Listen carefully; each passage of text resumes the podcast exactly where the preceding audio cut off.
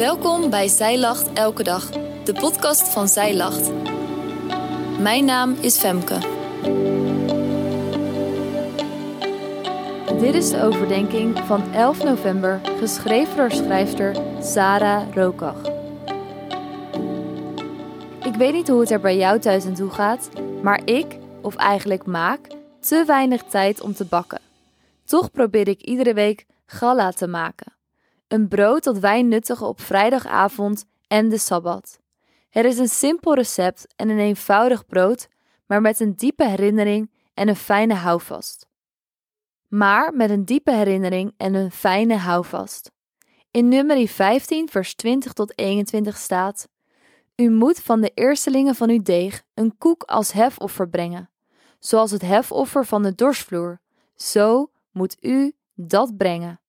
U moet van de eerstelingen van uw deeg de Heere een hefoffer geven, uw generaties door. Toen het volk Israël aankwam in het beloofde land, kregen zij meteen een opdracht. Iedere keer dat er bij een gezin brood gebakken werd, moesten zij de priesters een eerste deel van het deeg geven.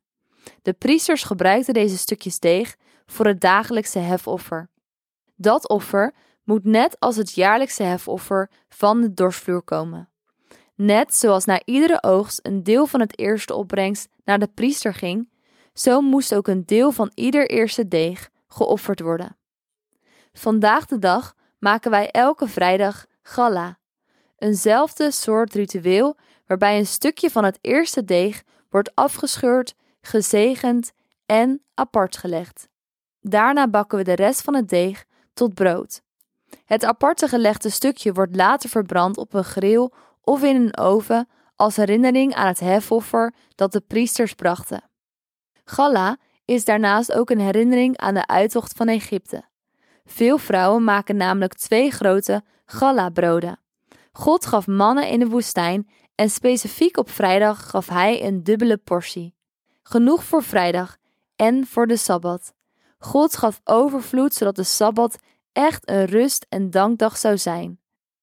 Maar er is meer. Misschien vier jij het heilig avondmaal in jouw kerk of gemeenschap. Vaak worden stukjes brood of matzes gebruikt. Het is een herinnering aan onze verlossing.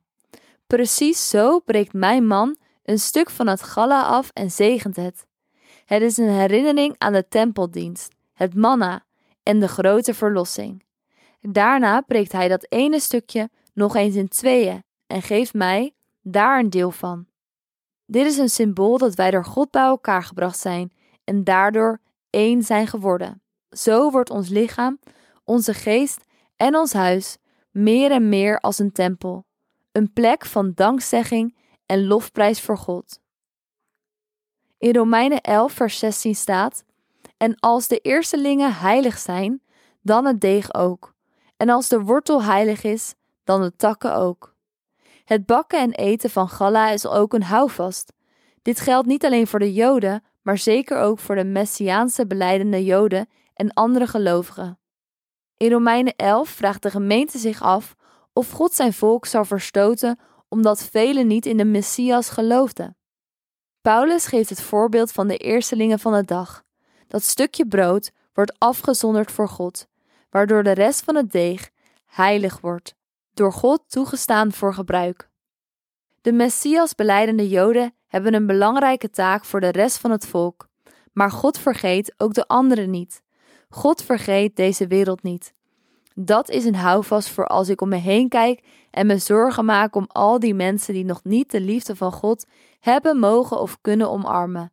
Laten we ook aan hen denken als we dat kleine stukje brood tot ons nemen. Een eenvoudig brood met zoveel betekenissen. We herinneren de offerdienst, het manna dat rijkelijk uit de lucht kwam vallen, en onze Messias die alles gaf om ons te redden. Dit stuk brood, in verbinding met zaligmaking, met de zorg en liefde van God voor ons mensen. Het is een krachtige herinnering en een houvast voor de toekomst. God is ons niet vergeten.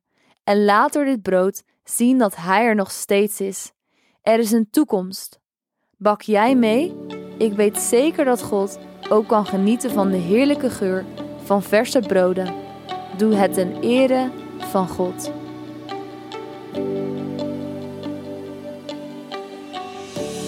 Dankjewel dat jij hebt geluisterd naar de overdenking van vandaag. Wil je de overdenking nalezen? Check dan onze website. Je vindt er ook meer toffe dingen die jou helpen om de Bijbel vaker te openen, zoals boeken, Bijbels, cursussen en evenementen. Morgen ben ik weer bij je terug met een nieuwe overdenking. Tot dan!